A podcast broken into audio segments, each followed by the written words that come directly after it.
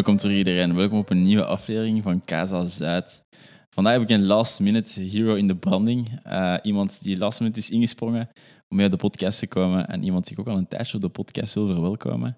Um, geboren en getogen in Betecom City, PR-expert bij Marnix en Ellie. Een echte Antwerp City girl, toch wel? Uh, en de woman behind Basil the Chocolate Doodle op Instagram. Mirte Verkammen, welkom. Hallo, welkom. Hallo. Ik ben blij dat je er eens, uh, eens wilt zijn. Uh, heb je stress voor een podcast ja, op te nemen? ik vind het wel spannend, ja. Toch wel? Je zit hier in kleermaker zit helemaal, uh, yes. helemaal klaar voor. Er zijn een heel aantal zaken die ik met jou wil bespreken vandaag. Eentje daarvan is nou, tijdens een beetje de setup al wat we gedaan hebben met de microfoons. zo wat erin fluisteren en zo. Wat ik persoonlijk heel ongemakkelijk vind. ASMR. Ja. Misschien dat we daarmee kunnen beginnen. Zeker. Hoe, hoe, hoe, maakt ASMR deel uit van uw leven momenteel? Momenteel niet super actief. Uh, maar ik denk toen als corona begon, heb ik daar super veel rust in gevonden. Uh, heb ik toen een tijdje super slecht geslapen. Ik weet niet waarom. Uh, ik kon gewoon niet meer slapen s'avonds. En dan ben ik van alles gaan opzoeken daarvoor. en dan ben ik bij ASMR terechtgekomen. En dat is echt zalig. Heel veel mensen vinden dat een beetje eng of een beetje uh, vies zelfs. Um, maar je moet er echt de juiste in vinden. En ja, ik denk ook voor hoogsensitieve mensen, omdat die prikkels veel feller ervaren, dat dat ook een veel intenser ervaring kan geven. Misschien moeten we, ik denk dat ondertussen het, concept van ASMR voor iedereen wel duidelijk is. Uh, maar misschien we dat eerst nog eens iets moeten verdiepen of zo. Voor wat helemaal Indiaan. Kun jij in je eigen woorden uitleggen wat ASMR wil zeggen? Of wat staat eigenlijk ASMR? Weet je dat? Ja, dat weet ik. Uh, het is een heel fancy Engelse woorden, maar het komt van Autonomous Sensory Meridian Response. Je hebt op een heel ASMR manier het gezegd. Ja, klopt. ik denk dat doe dat onbewust, denk ik, een beetje, omdat dat heel aangenaam is om naar te luisteren. Als iemand rustig praat en op zijn gemak is. Dus ja. ik vind dat heel fijn. Uh, ja, hoe moet ik dat uitleggen? Is eigenlijk ja, fluisteren uh, in een microfoon of bepaalde um, geluiden nabootsen, al is het gewoon met je vingers over die microfoon. Of, er is heel veel mogelijk. En dat zorgt eigenlijk bij de luisteraar of kijker, je kunt dat zowel luisteren als kijken, omdat dat ook visuele prikkels uh, soms weergeeft. En um, ja, dat zorgt ervoor dat je een soort van um, rustgevend gevoel krijgt. Sommige mensen vallen daarvan in slaap, sommige mensen worden daar gewoon heel rustig van. Ook heel goed tegen paniek, angst, aanvallen, al die zaken. Um, dus ja, voilà. Hoe zijn je daar opgekomen? Wat heb je dan ontdekt, ASMR? Uh, ik heb dat ontdekt, ik denk eigenlijk um, via YouTube, als ik me niet vergis. Dat is echt al lang geleden eigenlijk. Ja. Um, ik denk dat ik er heel per ongeluk op ben gekomen en ik toen ook dacht van, oh, no thanks, omdat ik dat wel een beetje akelig vond. Okay. Um, maar nadien heb ik zo wel de juiste gevonden, dat ik echt dacht van oké, okay, en dat is wel een beetje voor te lachen eigenlijk, blijven luisteren. En dan vond ik dat ineens zalig en dan kon ik niet meer slapen zonder daarnaar te luisteren. Oké, okay, ja, je bent echt addicted geraakt aan ASMR. Uh. Ja, ja, echt elke avond mijn koptelefoon. Dat is ook belangrijk, want een koptelefoon okay. heeft er echt heel veel extra effect bij dan dat je gewoon op je laptop zou luisteren, bijvoorbeeld. Ja, ik denk, ik, ik, de eerste keer dat ik in contact ben gekomen met ASMR was ook via een vriend van mij die zo zei van uh, als ik ga slapen, luister ik nu naar ASMR. Die zette dat op. In het begin was dat voor mij echt zo... Uh, ik weet niet waarom dat misschien, misschien dat, dat vandaag niet meer het geval is, maar toen was dat wel nog zo... Van, wat, wat zeg jij voor een weirdo? Ja. Zo. Alleen in de zin van... Dat is een, voor, voor, mij, zeker in het begin, een heel raar concept.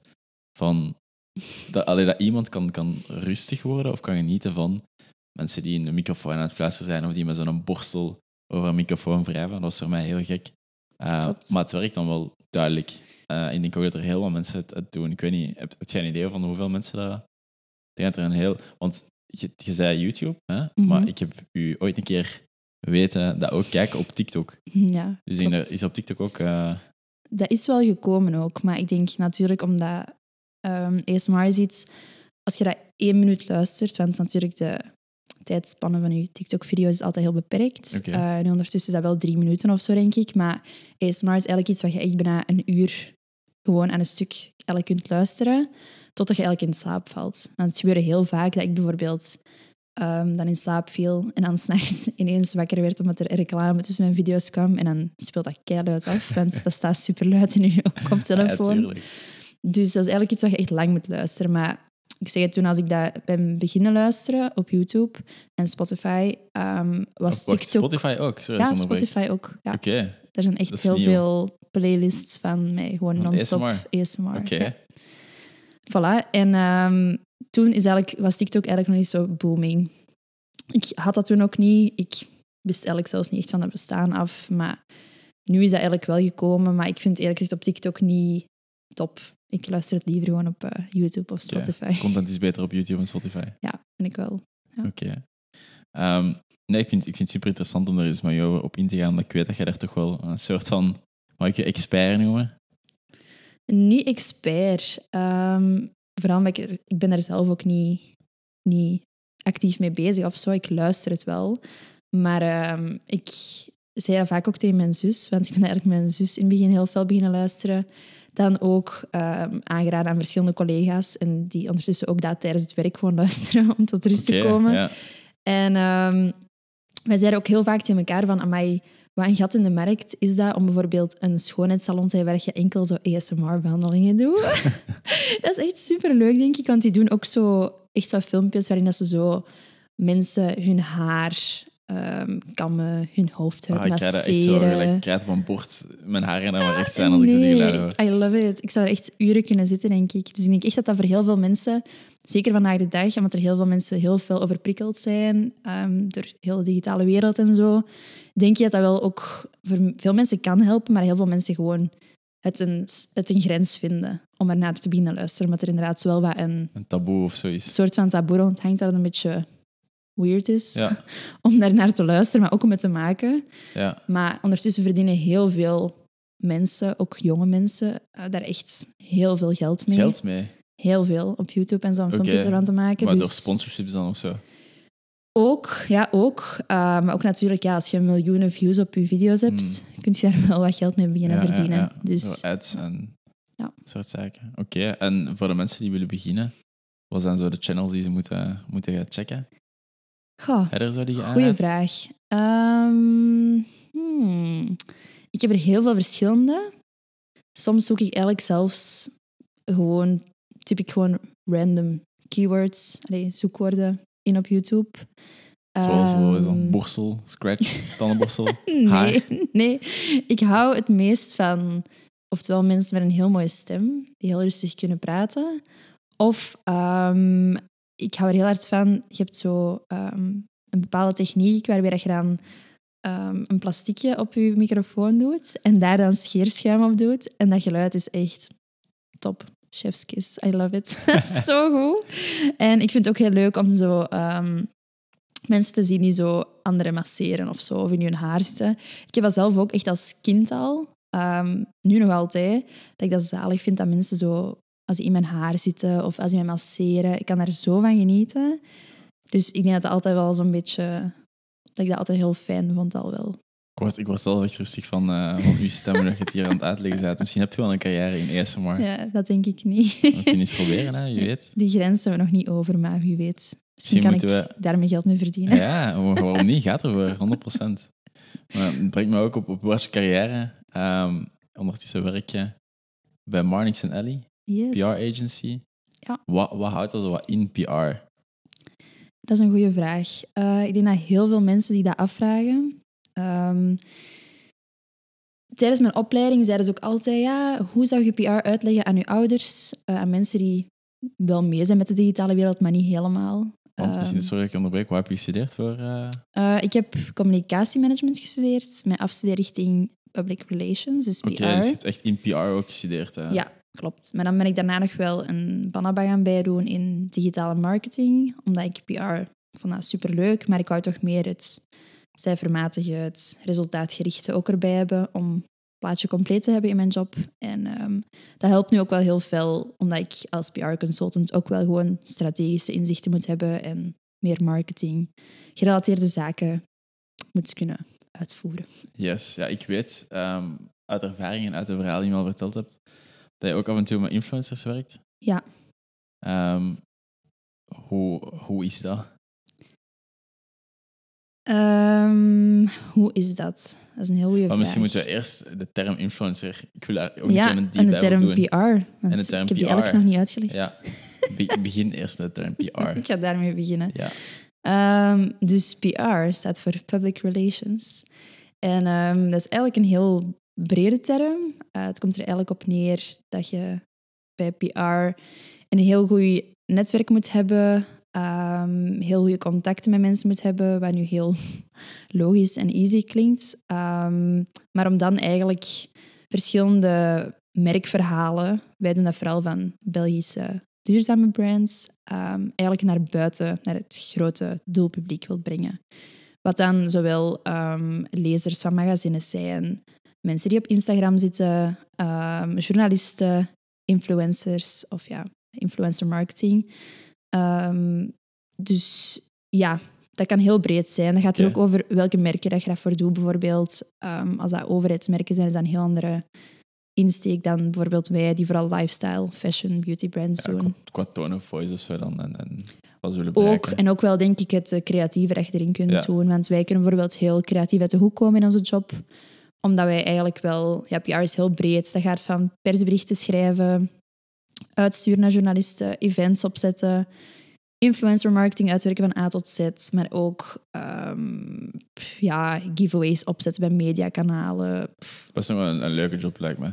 Ja, best wel. Best wel een uitgebreide job ook. Ja, veel Ehm, variëteit. Ik denk vooral eh, als je jong bent, denk ik eerlijk Ja, ja. gezegd. Ik weet niet waarom, maar ik vind dat zo wel een scene ehm, wat heel leuk is als je zo wat jong bent. Maar ik denk niet dat ik daar Lange termijn. U... heel mijn leven in zou willen Ja, blijven oké, zitten. fair enough. Ja. Ja. Oké, ehm, merci voor die, die verduidelijking op PR. ik hoop dat het duidelijk is, want het is Ehm, voor mezelf soms Nee, nog is, vaag ja, het het is, het is wel, het is wel redelijk duidelijk. Ehm, en, en zeker, eh, wat, wat ik altijd zo gek vind, is, is dat concept van... Ik heb eigenlijk nooit begrepen actief. Ik ben daar wel een sucker voor, denk iedereen. Maar het concept van influencer marketing. Eh, Mhm. Voordat je op de podcast bent gekomen, heb ik ook al zo wat research gedaan. Ehm, gewoon om zo eens te kijken. Ik vroeg me echt af van, ja, van waar komt dat nu, dat, dat concept van, van influencer marketing? Ja, ik heb het opgezocht. Misschien dat je het beter weet als mij, dus ook beter dan als ik fout ben. Maar ik heb ehm, gezien dat de term influencer marketing komt van de early days in marketing. Dus ik denk zo wel de 80s en 90s. Ehm, toen dat vooral zo de filmsterren waren en zo de sportsterren. Ehm, ik weet niet of je die campagne kent, Got Milk. Eh, ik denk het wel. Ik kan er niet precies opplakken voor wat het was, maar ik, ik denk zelfs dat ik die in mijn richting ooit heb gezien. Ja, dat is zo echt een, een, zo'n standaard voorbeeld uit de marketing eh, van, van de early days. Ehm, toen waren Beckham, Shaquille O'Neal, echt zo die grote sterren. En toen waren ze eigenlijk, ja, het doel ehm, is gewoon om meer melk te, te drinken of mensen meer melk te laten drinken. Ja. Dat was een grote supporting van de, van de een of andere overheidsinstelling in Amerika. Of course. Is heel veel budget ingepompt. En eh, ja, dat was zo die foto's met die melksnorren. Mhm. En dat waren eigenlijk influencers op dat moment, eh, die, die, eh, die Ja. sterren. Ehm, trouwens, leuk weet je, ik heb gezien dat er een of ander soja-melkdrankje... Je hebt dat ook zien voorbij komen? Eh, Nee. Ook zo de God Milk 2.0 heeft gelanceerd, maar dan zo de dochter van Shaquille O'Neal, de Echt? zoon van David Beckham. Ja, Eh, Dat wel vind ik een cool. heel goede zet. Want ik Ja, wou eigenlijk net al feedback geven. Allee, feedback. Misschien zelfs commentaar. Dat, ik dat, dat waren toen influencers, maar dat op een heel foute manier. Want bijvoorbeeld, melk is iets wat... Dat werd heel hard gepusht door de overheid, omdat mensen daar hard van kunnen werken en dat goed is voor je gezondheid. Maar dat eigenlijk, Ja. eigenlijk is koeienmelk totaal niet goed voor de Ja. mens. Dus dat was eigenlijk een beetje ja, we komen van reclame van, van sigaretten. Eh, ja, voilà. Dan is mensen melk oké. zeiden, One cigarette a day keeps the doctor away. Dus ik denk dat we als mensen wel veel te leren hebben. Ja. Ehm, maar nee, dus hè, vandaar komt eigenlijk de term influencer. Ehm, in, denk, je zei daarnet, in de mid-2010s, nu Ja. je zei jaar 2012 of zo, voor de podcast eh, begonnen, Mhm. ehm, is die term breder bekend ge- geraakt. Bij dan wat we vandaag zo wat, wat kennen. En die is eh, gevormd naar vandaag, waar dat eigenlijk na grote sterren uit films en sportsterren, muzikanten, dat er eigenlijk ook zo wat de, de normale mensen, omdat dat zo wat meer en meer gezien werd door het publiek van oké, dat is van big corporations. Mhm. Ehm, en die zijn niet altijd even relevant meer. Dat er dan zo wat mensen met grote following zijn beginnen influencer worden. En ik heb vandaag het gevoel dat iedereen een influencer is.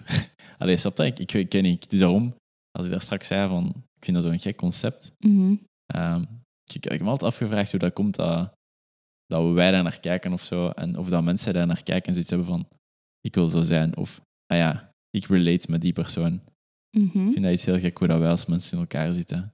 Dat is ook wel over de jaren heel veel geshift, merk ik heel hard op. Ehm, ja, op een of andere manier zijn wij ook allemaal influencers. Als je gaat kijken naar de brede term van het woord. Want ja, influencers zijn, dat betekent gewoon elkaar beïnvloeden en aankopen, stimuleren, maar ook ehm, de nieuwe hotspots laten verkennen aan elkaar. Dat gaat zo breed en onbewust ben je ook heel vaak aan het influencen. Als je gewoon op je Instagram foto's plaatst van dat je met je vriendin in een leuk restaurant zit, Ja. ben je ook aan het influencen als andere mensen daarop ingaan en vragen oh, waar is dat? Leuk. True. Ziet er kei lekker uit. Ehm, een vreemd concept, ja. pff, Ik denk nu is influencing, influencer marketing, eh, beter gezegd, wel positiever aan het worden. Eh, ik weet in het begin, als ik op... Sorry. Nee, nee, nee, nee, nee. Ga door, ga door. Ik weet eh, in het begin, als ik op Netlog zat, a long time ago, ehm, was dat echt... Was dat nog niet per se met influencers, maar ik weet wel dat er dan zo heel veel mooie meisjes waren op Netlog die dan veel... Was dat volgers? Waren dat vrienden? Ik weet niet wat toen was. ja. Eh, en dat, dat, dat je daar echt wel slecht over voelde ook. Omdat je... Ik denk, omdat wij in de digitalisering echt zijn opgegroeid, dat wij heel veel in contact zijn gekomen met nog steeds die beauty standards en hoe dat je eruit moet zien. Ja, ja, ja. En welke foto's het meeste likes krijgen en welke lichaam het meeste likes krijgen. En ik denk dat dat een beetje, ook als je dan een tiener bent, je bent gewoon onzeker. Je zit niet goed in je vel. Als je al die dingen ziet passeren elke dag, dat is gewoon niet leuk. En je begint daar ook mee te, ver- te vergelijken. Ehm, en ik denk dat dat nu heel anders is. Ik denk dat dat nu op een veel positievere manier is. Ehm, Oké. ja, Ja, Netlog, dat waren de goede dagen, hè. Ja, Amai, ik denk als ik die... Ik ben blij dat ze dan offline hebben gehaald. eh, ja de, want van mij moet daar ook niet veel meer van eh, te vinden zijn.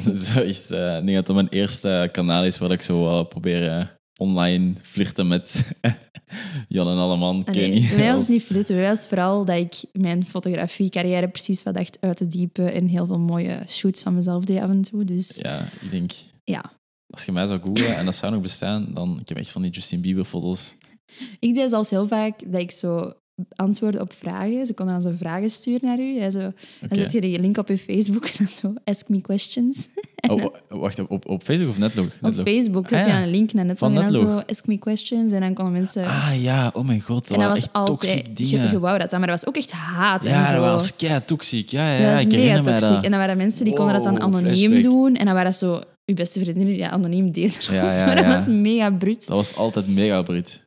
En eh, ik deed zelfs met mijn vriendinnen of met mijn zus, ehm, dan deden we een hele avond en dan zeiden wij, oh, we gaan op elke vraag beantwoorden Ja. met video. En dan spraken we zo'n hele video in, want je kon met video antwoorden.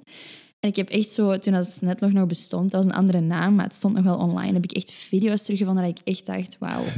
dat is eigenlijk, je beseft niet dat als je iets online zet, dat echt gewoon... Voor altijd, daar staat. Nee, En dat vind ik ook wel een beetje eng, want op een bepaalde leeftijd ben je gewoon heel naïef en doet, allee, zegt je bepaalde dingen waar je nadien denkt, oh, Tuurlijk. beter Zeker met niet gedaan. culture. En ik vind ergens wel positief Ja. dat wij zo precies de, de, de big bang van cyberbullying, dat Mhm. dat gewoon overleefd hebben. en dat wij dat gewoon zijn meegemaakt. Dat maakt het nu misschien veel gemakkelijker als je Goh. online eh, shit krijgt of eh, negatieve, negatieve dingen. Ja, dat je het dat is, wel beter het is ergens wel gewoon ook een beetje jammer dat de mogelijkheid er wel was. Of het, het, is, op, het is opgestart geweest voor leuke doeleinden. En als het dan eindigt in zo'n zaken, dan is dat wel altijd een beetje sad natuurlijk. Maar tuurlijk. ja, tuurlijk. kijk, that's Ja. life. Ja, nee, dat is waar. ehm, ja, ben gewoon, gewoon even nog altijd in die, die throwback naar, eh naar Netlog. Ja. Ik, ehm, waar ik trouwens nu, ik al gezegd heb, ehm, voor eh, een bedrijf waar dat de founders vroeger de founders waren van Netlog. Ja, dus ik, gezegd. ik werk ergens voor de spirituele opvolger van, eh, van Netlog. Ja. Pure nostalgie, gewoon om full circle te gaan. Snap ik. Ehm, nee, merci om dat even toe te lichten. Maar wat wat was dan zo, wat ik me ook afvraag, als we het nog even over influencers hebben, wat was dan zo de, de, allee, zijn dat zo mensen, als je die campagnes mee wilt doen of je wilt daarmee werken, zijn dat Mhm. mensen die gemakkelijk in omvang zijn? Of hadden daar grote verschillen bij? Of, of mogen daar niet over babbelen? Dat kan ook, hè? Jawel, jawel, zeker wel. Zonder Allee, namen te noemen, hè? Ja, ja, ik ga sowieso geen namen noemen. Ehm, it depends. It Wat wil ik daarmee zeggen?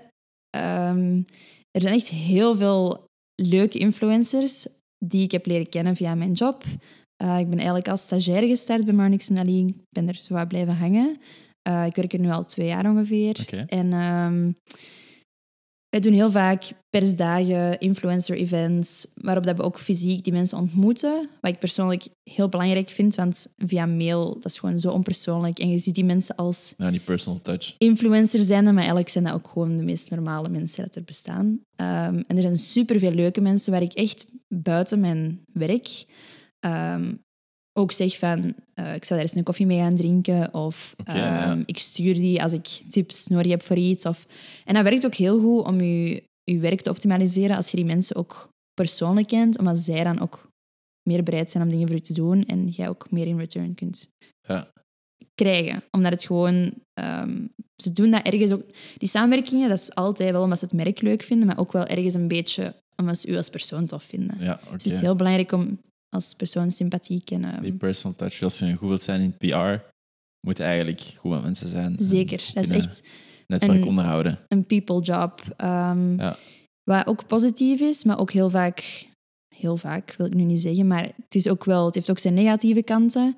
Bijvoorbeeld, ik ben een heel harde people person, maar ik ben ook een heel hoogsensitieve people person. Oké, dat lijkt me Dus- een moeilijke combinatie. Ja, dat is een moeilijke combinatie. Ehm, ja, hoe moet ik dat het best uitleggen? Ehm, ik zit in een heel digitale job. Dus ik zit heel de dag achter mijn laptop eigenlijk. Ik zit ook naast mijn werk nog heel veel op Instagram. Waar ik eigenlijk mijn werk ook niet altijd 100% door kan afsluiten. Omdat je wel heel Ja, veel nog ja, in het digitale met... eh, bezig bent. Klopt. En ook heel veel eh, prikkels. Je moet heel veel meeten met mensen. Je moet heel veel mailen met mensen. Er is heel veel menselijk contact, wat heel fijn is. Maar ook echt zijn nadelen heeft, omdat er ook echt gewoon mensen zijn die echt energie van u zuigen. Eh, Er zijn er ook heel veel die me energie geven. Door leuke samenwerkingen, door mooie resultaten. Maar er zijn ook heel veel mensen die ik... Ik ga, zoals ze daar juist zegt, geen namen noemen. maar die bijvoorbeeld ook heel veel geld verdienen en dan eigenlijk helemaal niet doen wat ze moeten doen. Bijvraag, bijvraag. Wat, wat is heel veel geld? En voor wat, wat moet hij dan daarvoor doen? Goh, hangt er echt vanaf. Van profiel tot profiel, van, Van, van welke, klant tot klant. welk spectrum van volgers is dat? Van, van hoeveel, vanaf hoeveel volgers zijn de Goh, Marnix en Ellie interessant voor die influencer? Eigenlijk werken wij met zowel ehm, heel grote influencers, micro-influencers. Hoe- eh, Hoeveel volgers heeft een micro-influencer? eh, dat kan gaan van 2k. Dat kan echt al van klein beginnen. Eh, en je hebt ook echt de content creators. Wij proberen er altijd een beetje een mix in te vinden. Ja. Dat wij zowel influencers hebben die eigenlijk voornamelijk bij ons ehm, ja, een groot bereik gaan genereren. Eh, ook goed inzetbaar zijn om sales uit te halen. Eh, met kortingscores, giveaways, meer het commerciëlere type profiel. Maar daarnaast hebben we ook de content creators nodig die echt heel mooie content gaan maken. Want de grote profielen zijn ook niet altijd degene die de mooiste content maken, maar die gewoon een goede community hebben en mensen hebben die echt kopen wat zij promoten, om Ja, het zo ja, te ja. zeggen. Eh, ik persoonlijk vind de content creators veel leuker. Eh, niet per se veel leuker, maar gewoon In omvang, makkelijker in omvang. Of ja, en die zijn ook omvang. heel vaak... Je geeft ze dan een briefing en die doen daar dan zelf iets creatief mee. En die steken daar echt tijd en effort in. En ik apprecieer dat zo hard als mensen meedenken met u, mee in heel dat proces gaan, in Ja. plaats van mensen die gewoon ja, een briefing volgen of niet volgen. En dan zoiets hebben van, ja, ik heb het gedaan, geef nu maar mijn geld. En Ja, ja, ja. dat vind ik een beetje jammer. Maar bij Marnix en Ellie, zoals ik al zei, we werken heel veel met ehm, Belgische brands, omdat we heel lokaal willen blijven, maar ook vaak duurzame brands. Ehm, dus we vinden het belangrijk om met authentieke mensen samen te werken, waar wij ook heel hard op screenen. En wat maakt je authentiek? Eh, ja, Oeh, dat is een moeilijke wat maakt iemand Ik authentiek? ben, nu- ik ben echt eh, aan het ondervuren gewoon. Nee, ik denk voornamelijk als iemand ehm, gewoon zichzelf kan zijn, wat nu kei onnozel klinkt. Ehm, maar iemand die ook eens een keer niet durft mee te gaan met de rest. Dus iemand die echt een eigen mening heeft, Ja. die misschien niet altijd zegt wat het publiek wilt horen, Ja. maar die wel gewoon dicht bij zichzelf blijft en bij zijn doelgroep blijft. Ehm, en gewoon ja, post en praat over waar die zelf interesse in heeft. En niet zo per se mee gaan surfen op trendy topics, om dan totaal van je key message af te Ja, gaan ja, ja. wijken. Dus dat vind ik iemand die authentiek is. Eh, ja, wij merken dat ook gewoon heel snel. Bijvoorbeeld op de persdagen, ook als wij influencers laten langskomen, krijgen wij heel vaak te horen dat wij echt precies zo een familie zijn. En dat is ook wel. Zo. Ehm, we zijn allemaal heel toffe mensen. ik zeg het gewoon, dat is zo. En echt een toffe groep. Ehm, en wij trekken dat ook wel een beetje aan. Ik denk, wat dat je zelf uitstraalt van energieën, dat krijg je ook wel terug van anderen. En dat trekt ook gelijkaardige mensen aan. Dat denk ik voornamelijk. En ja, wat, er nog aantrekt is inderdaad de financiële kant. Daar de nog influencers, ja. altijd eh, Ik heel benieuwd bij naar. mij. Ba- zo ballpark figures. Dat is dan zo de, Ehm, voor, voor ene post, of hoe werkt dat? Is dat voor, voor meerdere Het posts? is meestal eigenlijk dat wij werken in ehm, één post. Het kan Ja. een reel zijn, dus een video, of dat kan gewoon een post zijn. Eh, en dat is meestal in combinatie met een drietal stories, omdat dat wel vaak nodig is om... ehm. Ja, het Instagram-algoritme is niet top. Verandert ook super vaak. En eh, het is daarom heel belangrijk om via stories, waar we nog heel veel bereik genereren, daar ook door te linken en een soort van call to action te doen naar je post zelf. Uh, wat er anders, ja, een post, je zet dat online. Als dat in de eerste uren niet het aantal mensen heeft bereikt dat zou moeten, gaat dat ook niet meer gebeuren. Ja. Bij stories kun je nog wat extra oproep doen. Misschien ook context geven over call to action, voor mensen die dat niet weten. Eh, of niet in marketing ja. wat is een call to action? Bijvoorbeeld in, ja, dat is weer een marketingbegrip, ik smijt daar heel vaak mee. Ehm, als je bijvoorbeeld een story maakt ehm, en daar doorlinkt naar je post en daarbij zet go check it out of ga daar naar kijken Ja. of like dat of koop dit, doe dat. Dat je Eh, mensen, roept mensen op mensen tot die, actie. Ja, mensen die dat bekijken en actie Ja. laten, laten ondernemen. Voilà. Oké, goed. Eh, en dan gewoon derde keer, goede keer. Cristiano Ronaldo bijvoorbeeld. Ja, die Ah, voetballer. ja, Die, van de eh, post. Post, en dat is ook zo'n heel ding dat hij 500k krijgt per Mhm. post. Ehm, ik weet niet of dat effectief zo is, wel dat vrij, vrij veel geld is. Maar als je het dan hebt over influencers met 20.000 volgers of zo, Mhm. denk ik altijd, ja, dat, gaan, dat kan toch niet meer als, als 100 of 200 of 300 euro zijn. Gelacht. Oké, Ja. dus dan ben ik heel benieuwd. Eh, het hangt er echt vanaf. Eh, wij zijn ook heel goed in onderhandelen. Dat is ook part of the job, dat je echt niet altijd zomaar akkoord moet gaan met wat mensen voorstellen van budget. Ehm, en wij krijgen ook altijd een budget van onze klant waar wij mee moeten werken. Dus wij moeten altijd zien dat we daarvoor ons aantal profielen kunnen activeren. Mhm. Ehm, als wij al een product geven, hoge waarde, is dat de financiële bijdrage vaak minder. Maar als wij gewoon echt, wij dan spreken, een beautyproductje van 30 euro geven, ja, dat is voor hun niet voldoende. Daar betalen zij een boterham niet mee, zeggen ze dan. oké. Uh, maar dus, uh, om even concreet te zijn, ik uh, even denken. Ik ken toch wel influencers die voor een post bijvoorbeeld toch wel bijna 800 euro tot Uh. 1000 euro voor een post alleen. Voor en dan één post. stories worden we dan vaak ook nog extra bijbetaald. Oh? Um, als je dan in langdurige uh, samenwerking gaat denken, is dat vaak wel dat ze zo een beetje hun prijs doen. En ja, zeggen, ja, omdat ze weet dat er meer geld of meer opportuniteiten Ja, voor hun ook. En dat is ook authentieker om een samenwerking op lange termijn op te zetten dan maar één keer over een product te posten en dat je erna voor iets anders te posten. Oké, volgende vraag. Wat kan ik doen om influencer te worden? How do I start? Iedereen kan influencer worden. Het is Tell gewoon... me. Je niche afbakenen is heel belangrijk en zoeken waar het er nog opportuniteiten zijn, waar mensen naar op zoek zijn, ehm, welk gat in de markt er zogezegd maar ligt.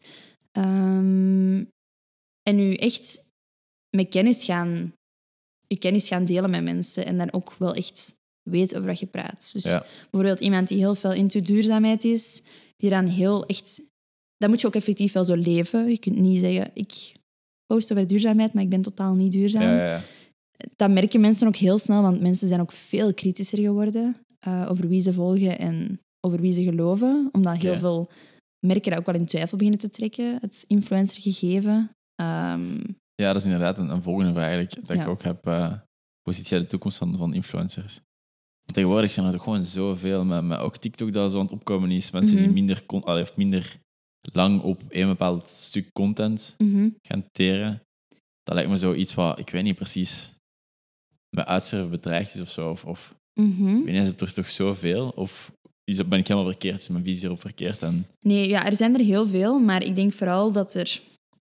Het is niet per se met uitsterven bedreigd of zo. Ik denk vooral dat er een shift gaat gebeuren. Ehm, Wat bedoel ik daarmee? Ik denk vooral dat bedrijven zelf ook influencers veel effectiever gaan moeten inzetten. En vooral met mensen werken die voor hun ook content maken, zodat ze zelf ook... Ja, ze moeten natuurlijk in-house nog content maken, maar ik bedoel maar gewoon, zij kunnen daar ook wel echt um, meerwaarde uithalen. Ze betalen ja. daar dan wel voor, maar die mensen steken daar ook hun tijd en hun werk in. En um, ja, dan moet merken gaan daar gewoon veel uh, beter in moeten omgaan uh, met die in te zetten. Zodat dat echt een deel van uw communicatie- en marketingplan kan worden. Omdat influencers nog steeds wel, vooral bij Gen Z nu, okay. uh, die zijn daar heel beïnvloedbaar voor, voor alles wat ze zien op ja. social media, vooral TikTok. Omdat het ook video is, dat spreekt ook harder aan. Ja. Dat is ook echt toekomstvideo. Video is zo belangrijk, dus ook op Instagram, Reels en zo. want we, zijn die podcast enkel audio gelukkig, bezig. Dus. gelukkig. ik was er niet op voorbereid, dus gelukkig enkel audio. Ehm, maar ja, dat is sowieso de toekomst waar mensen heel graag ook kijken terwijl ze luisteren. Zoals bij de ASMR. Ja. Dat zorgt voor visuele prikkels en dat is heel belangrijk. Ehm, dus ja, daar gaat de shift in zitten. Maar ik zie zeker niet dat die ehm, er niet meer gaan zijn of niet meer nodig gaan zijn. Ik denk dat die zelfs belangrijker dan ooit gaan worden. Dus vandaar. oké, nee, duidelijk antwoord. Ehm, misschien op een volgende topic in of wil je nog eerst Nee, nee, nee. verder over? Ik weet ook dat je bezig bent met spirituality ja. naast ASMR. Mm. Ehm, Naast ASMR is precies eigenlijk zo'n... eh, ja, nee, inderdaad. Ik wou, allee, het was zeker niet de bedoeling om je, om, om je zo, zo te schetsen. Dat is het helemaal niet. Ehm, maar het interesseert me ook wel gewoon omdat ik, ik, heb, ik, ken, ik ken wat mensen die, die niet geloven, ik ken mensen die wel geloven, ik ken mensen die bezig zijn met spiritualiteit, zoals u. Mhm. En dat is niet, ja, is dat, mag je dat een geloof noemen? Is dat een geloof? Ik heb er echt al heel vaak over nagedacht. En ik vind dat ergens wel brede zin van een geloof. Je hebt heel veel mensen die ehm, eerder geloven in christelijke overtuiging of eender welke overtuiging dat er is, geloof dat er is. Eh, maar ik vind, zolang dat je er voor jezelf een houvast en een steun in vindt, kan dat een geloof zijn voor iedereen. heel, Ja. heel veel mensen geloven in niks ook. Die zeggen, ik heb niet echt het gevoel dat er iets is. Wat ook fijn is, dan is dat hun geloof. Ehm, maar Ja. Ja. Oké. En wat houdt spiritualiteit in bij u? Ik denk dat dat iets is wat we van mensen, van mensen, mensen wel kan variëren. mhm, dat is ook Ik- heel breed. Ik moet dan zo denken aan die eh old school, gelijk in de westernse films, zo in die western films, zo'n vrouw die zo in een kabinetje zit. Zo gelijk die Pirates of the Caribbean, weet je, die vrouw? ja, ja. Welcome Jack. Die zo met haar kaarten zit, eh, zit klaar voor, voor het volgende chapter in, in Jack Sparrow zijn leven. Ja. Ehm, hoe is dat, wat houdt dat in voor u? En, en, Voor mij is dat iets heel breed. Ehm, het hangt eigenlijk al een beetje samen met de ASMR, waar we straks over gepraat hebben, omdat dat eigenlijk ook op hetzelfde moment zo in mijn leven is gekomen. Ook met corona toen. Ik weet niet, ik denk dat iedereen toen wel zo'n beetje verloren was. En zoiets had van, wow, ben er niks meer aan het doen. Eh, ik ga andere dingen opzoeken om mijn tijd in te stoppen. En dat was bij mij toen heel veel dat.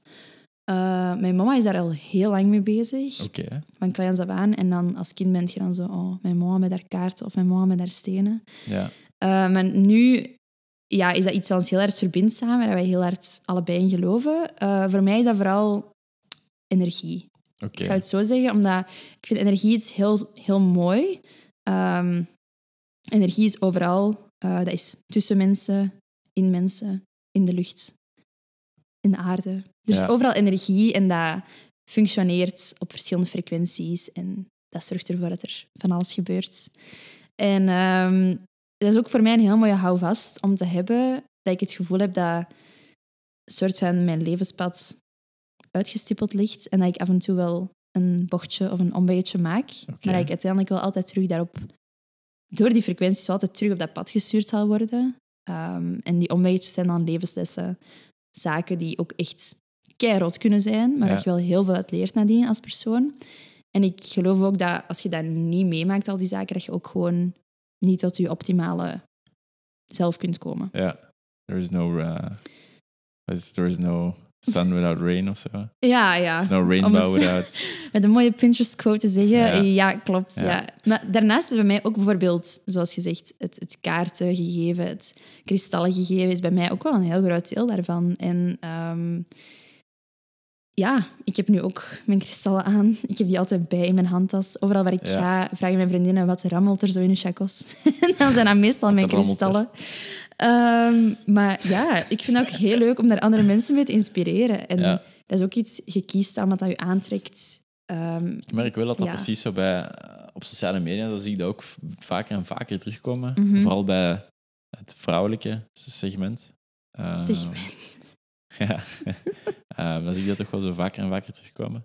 Ik merk precies wel dat dat voor heel veel mensen een soort van energiebron is of zo, inderdaad. Of dat ze, Mhm. wat ik wel, ehm, en, en ik wil je dat zeker niet beledigen, maar wat ik wel altijd heel gek of, of een beetje crazy vind, is zo, dat je aan het daten bent of zo, eh, en dat je dan...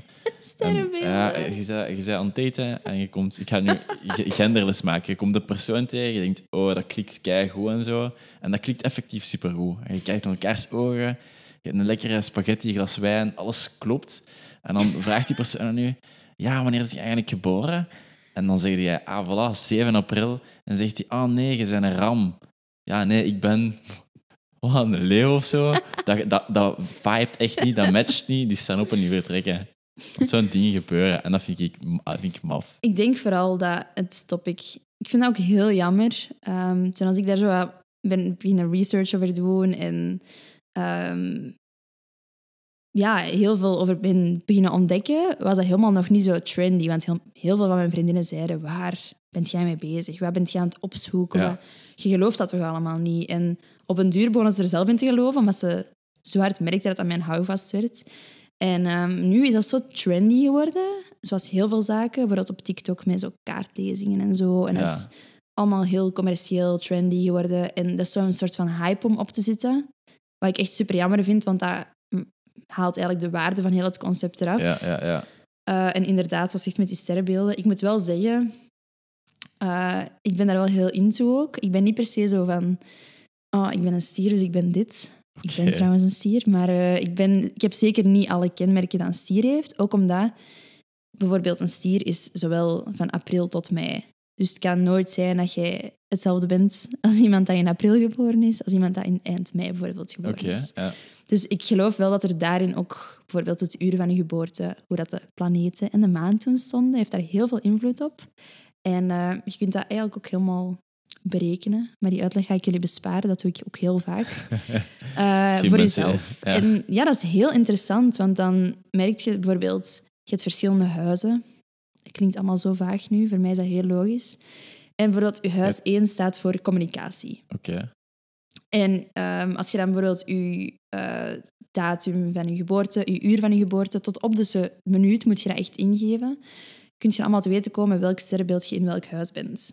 Dus bijvoorbeeld huis 1 communicatie, dan ben jij een stier. Dat wil zeggen dat jij een koppige bent in communicatie, bijvoorbeeld. En dan zie je ook al die stukken samenvallen, want het kan niet dat jij alle karaktereigenschap van één sterrenbeeld hebt. En al Kijk, zo zeker Harry niet... Potter vibes nu of zo. Een Slytherin en... Ja, het, het is wel een, een gek concept, maar ook hoe meer dat je erover te weten komt, hoe moeilijker het is om er niet in te geloven. Omdat Ja, het gewoon ja. allemaal heel hard op zijn plaats valt. moet je er heel erg voor openstellen gewoon. ja, en- heel rationele mensen die hebben echt zoiets van... Ik merk, ik merk dat, nee, maar ik merk dat het echt wel vaker en vaker voorkomt. En ik denk inderdaad dat er misschien vroeger zo'n beeld was van mensen, eh, zoals ik daarnet zei, Jack Sparrow, met zo'n gekke parels in hun haar, eh, Mhm. gekke ta- tattoos op hun gezicht of zo, whatever. Ehm, maar ik merk dat dat, allee, bijvoorbeeld mijn, allee, de- mijn vorige werkgever, eh, dat er ook wel vrouwen waren die in hun 30s zijn, die daar ook wel heel hard in geloven of zo. En dus dat, dat je meer en meer mensen hebt van alle leeftijden die dat, hun energie daaruit halen. Ja, ja, en dat is ook heel grappig, want ik heb het ook al vaak voorgehad dat ik bijvoorbeeld... ehm, wanneer ik het voor? Ik denk zelfs bij Marnix en met een vorig, vorig meisje dat daar werkte. Dat wij allebei op kantoor waren en dat ik eens voor een keer iets hoorde rammelen in haar handtas. En dat ik zei, wat heb jij je handtas? Ik zeg, kristallen. en ze zei, oh my god, ja, heb jij dat ook? En dat wij allebei onze zak boven haalden. Enthousiast daarover zijn beginnen praten. Maar dat, is echt, dat was echt een persoon waar ik nooit van had gedacht dat hij daar into zou zijn. Ja, ja. Dus dat is heel grappig hoeveel mensen daar eigenlijk mee bezig zijn. Maar ook de mensen die er niet mee te koop lopen, om het zo te zeggen, zijn ook vaak de mensen die er het meest mee bezig zijn. Want de mensen die echt zoiets hebben van... Ja, die misschien I'm ook. Pisces and you're this. En dat zijn de mensen die er eigenlijk niks van af weten en dat gewoon gebruiken omdat dat trendy is. Als ik het goed begrijp, is er twee, twee soorten movements. Je hebt zowel de social media movement en je Ja. hebt de, de echte, meer spirituele Ja, movement. ik vind dat wel. Oké, nee, dat, vind ik, eh, dat vind ik mooi uitgelegd. Eh, bedankt daarvoor. Misschien mensen die eh, meer over spirituality willen weten, mogen die bij u terechtkomen. komen. Dan Zeker. link ik zelfs even Ik weet niet dat er heel veel Instagram. mensen daar eh, vragen over zouden stellen, maar Ah, je mag, weet nooit. Je weet mag nooit. altijd. Ja. Ik link Ja. zeker even uw Instagram. Eh, ik ben ook benieuwd voor, voor mensen die aan het luisteren zijn die ook ervaring hebben met spirituality. Of die ook, ja, zoals mij, er niet, geen ervaring hebben, die er meer ervaring over hebben of zo. Laat het zeker weten. En dan zorg ik ervoor dat Mirte ze beantwoordt ehm, in de volgende podcast. Ehm wou ik zeker nog ook aan u vragen. Je zet zelf ook een beetje een influencer, hè? Met Basil, de chocodoodle.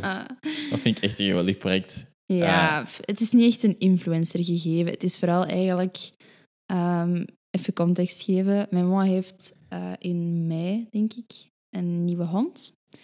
Eh, sinds mei een nieuwe hond. En eh, die heet Basil. En die is, heeft chocoladekleur. Dus daarom heet hij Basil de Chocolate Doodle. Omdat dat een labradoodle is. Ja. En ehm, mijn mama zei altijd... Oh, omdat wij ook op het werk vaak met zo doggy-influencers werken. Zei mama, oh, ik wil ook eh, een profiel van Basil. Maar jij moet dat maken. Dus ja, dan ben ik eigenlijk verhuisd naar Antwerpen. Zag ik die hond helemaal niet meer zoveel. En nu is dat account zo... probeer ik dat wij wat Te content op ja. te zetten. Maar ja, de foto's die mijn mama dan stuurt aan mij zijn vaak de foto's met de vier filters op die net niet in mijn visie passen. Dat ga dus... ik eruit halen uit de podcast. Nee, vind ik niet. Nee. Zij mag dat weten. Zij weet dat zeker en vast. Ehm, en ze leert er ook uit. Want dan weet ze ook, Ja. deze foto op de Instagram, of is die niet goed, dan haal ik de filter eraf. Ze weet het ondertussen Ah. al. En ja, dat is, dat is een zalig beest. Eh, maar ik wil daar zeker niet... Mijn ambitie is zeker niet om daar Het is een leuk, leuk hobbyproject. samenwerkingen uit te halen of Nee. eender wat. Dat is gewoon heel leuk om mensen te updaten. Ook. Dat is een beetje zoals je kindje. Allee, ik vind kindjes en baby's plaatsen op Instagram helemaal... Ik, ik support dat niet of zo. Ja. Dat hoeft niet in mijn gedachten. Nee, dat vind ik ook echt een super gek gegeven. Ja, maar dus mijn hond vind ik ook... Ja, dan kunnen mensen die je misschien niet zoveel ziet... En nu ik bijvoorbeeld ook... eh vind ik dat wel heel fijn om daar zo wat content op te Ja. kunnen zetten. Omdat mensen dan wel zo wat mee zijn. Ja, en zeker. Ik vind het wel lachen ook die journey van puppy tot compleet gesiefde hond. Die podcast edit. En voor mensen die hem misschien zien hebben op mijn story ook. Dat was Hazel de Chocodoodle. Ik heb, ik had hem moeten taggen, ik heb hem niet getagd. Je hebt hem niet getagd, ik kon niet meer Ik posten. was het helemaal vergeten. Volgende keer ga ik dat, ga ik dat absoluut wel doen. Ehm, misschien ook nog een interessant gegeven. ehm, wat je net zei van mensen die zo baby's gebruiken voor hun content te promoten of zo. Dat vind ik ook echt maf. Ik denk daar een Eh, heel, een heel aparte Ja, aflevering Ja, kunnen maken. Ehm, wat ik misschien wel nog interessant vind om mee te geven, ook voor mensen aan het luisteren zijn, er is een eh, soort van tech-artist waarmee ik onlangs in contact ben gekomen. Ehm, die heet Dries de Porter. Zeker de moeite waard om eens te checken. En Dries houdt zich eigenlijk bezig met verschillende projecten ehm, die met tech te maken hebben. Eh, dus kunstwerken met tech. Er zijn er een paar viralen gegaan, zoals de ehm, machine learning politici tracker, die eigenlijk een soort van, eh, elk, in, in, in België worden al die ja, meetings die de overheid houdt, die het parlement houdt, worden opgenomen. En die had eigenlijk zo'n tool gebouwd ehm, die automatisch een filmpje op Twitter postte van het moment dat er iemand in dat parlement langer dan 30 seconden op zijn gsm zat of zo. Mhm. En dan zet hij daar een gra- grappige caption bij automatisch. Ehm, van die van Vlaams Belang is weer dit aan het doen of zo. Mhm. En dat is keihard gegaan. Die hebben zelfs hun camera's aangepast en zo. Eh we hadden hoeken aangepast zodat je niet meer gsm's kon zien. Super interessante kerel. Eh, en die had ook effectief een project gelanceerd voor zo automatisch te detecteren wanneer dan mensen foto's posten en producten taggen waar dat kinderen op staan. Mhm. Ehm, dat is spijtig genoeg offline gehaald. En die, dat is een Belg ook. Die heeft echt zo'n rechtszaak van eh, Meta dan, hè, van Facebook en Instagram en WhatsApp. hè. Dus Meta is dat bedrijf die er- die erachter staat. Ehm, ook zo zijn richting uitgekregen en zo, waar hij zo moest oppassen. En, ehm, maar zeker de moeite waard. Je moet hem eens checken. Eh, misschien nog één project ook, wat misschien wat influencers te maken heeft, dat ook super grappig is. Die heeft ooit ook ehm, zo publieke camera's Dus zo, er zijn heel veel camera's die overal staan, die mensen kopen. En Mhm. hij heeft zo'n standaard ehm, wachtwoord. Dus, Dus- zo, Eigenlijk hackt die ja, die camera's eigenlijk wel. anywhere om mensen een beetje op hun fouten te wijzen. Of een beetje... Ja, om zo een beetje, ja, mensen op hun, niet per se op hun fouten te wijzen, maar ook om zo wat, ja, zo wat te lachen met hoe dat wij tegenwoordig als mens zijn in deze Ja, dus technologische wereld. Hè, dus Ja. niet per se om, om mensen uit te lachen. nee, nee, ook niet om op... Ik bedoel niet om fouten te wijzen, maar wel om te laten zien wat er eigenlijk fout zit in onze maatschappij of zo. Of wat voor rare dingen wij doen Ja, gewoon door beetje zo, digitalisering. ja, zo'n beetje inderdaad ons bewust maken van wat we allemaal aan het doen zijn door die Mhm. digitalisering. Heb je heel mooi verwoord. Ehm, en dan had hij dus die camera's gehackt, om het zo te zeggen, die wachtwoord ingeven van publieke plaatsen. En dat hij op een of andere manier ehm, via een tool die hij ontwikkeld had ook ehm, eigenlijk ingegeven van zoek waar dat er mensen veel foto's taggen op Instagram. Op Instagram. En dat is een location op Instagram. En dan was dat dan bij zo'n café in Parijs, waar heel veel bloemen op de muur hingen of zo. En dan zochten we eigenlijk ook van, is er een camera in de buurt, een publieke camera, die nog een standaard wachtwoord heeft. Mhm. En dan linkt hem die eigenlijk samen en dan heeft hij met machine learning op die camera gezet. Die foto is dinsdag om 7 uur gepost. Zoek dinsdag tussen 3 en 5 die persoon die op die foto staat. En dan eh, gaf die een ping als dan een match was en begon die te recorden.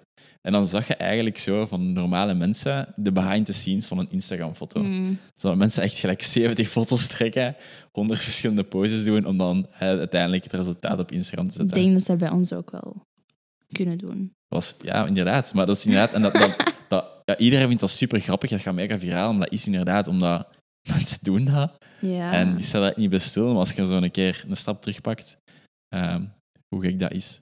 Dus moest dat, ja, er meer over willen weten over digital art, ehm, zeker er de porter eens checken. Ik was even afgeweken, sorry daarvoor. Nee, tof. Leuk. Ehm, ik zie dat we ook al bijna 50 minuten bezig zijn. Zijn er dingen die je misschien nog wilt, wilt meegeven aan mensen die aan het luisteren zijn? Wat wil ik nog meegeven? Hmm. Dus had ik eigenlijk mijn meest inspirational quote moeten bovenhalen? Zeker doen. Ehm, nee, ik heb eigenlijk niet echt quotes waar ik naar leef of zo. Wat ik vooral wil meegeven is dat je altijd heel dicht bij jezelf moet blijven. Heel dicht bij je hart moet blijven. Ondanks dat er heel veel prikkels zijn, heel veel dingen die je van je pad kunnen afwijken, volg altijd je buikgevoel. En dat klopt ook meestal. Ehm, dus ja, gewoon wat je graag doet. Omring je met de mensen die je graag ziet. En probeer niet te hard aan te passen aan de menigte. Maar Dat Ja. vind ik een hele mooie afsluiter om hier Voilà. terugkomen. dat Dank je vind ik wel. een heel belangrijke. Ik vond het heel leuk om de podcast te hebben. Dat is heel gezellig. Zie je dat zitten om dat vaker te doen? Eh, ja, als ik eh, over meer topics eh, interessante informatie kan delen, wel, ja. Nee, Ja, zeker, opnieuw welkom. Uh, Dank dank je wel daarvoor. En voor de mensen die aan het luisteren zijn tot nu, ook dank je aan jullie. Ehm, deel hem gerust met jullie vrienden en familie. Deel hem met jouw honden, met jouw katten, met jouw Instagram-pagina's, fanpagina's, met alles en iedereen. Ehm, en ik ben enorm blij dat, eh, dat jullie nog altijd aan het luisteren zijn en dat jullie nog altijd zo support geven. Uh, ik kijk er naar uit om dit gewoon door te zetten en van Zuid een leuke wekelijkse podcast te maken. Uh, dus elke maandag een nieuwe episode. Tot de volgende keer. Bye.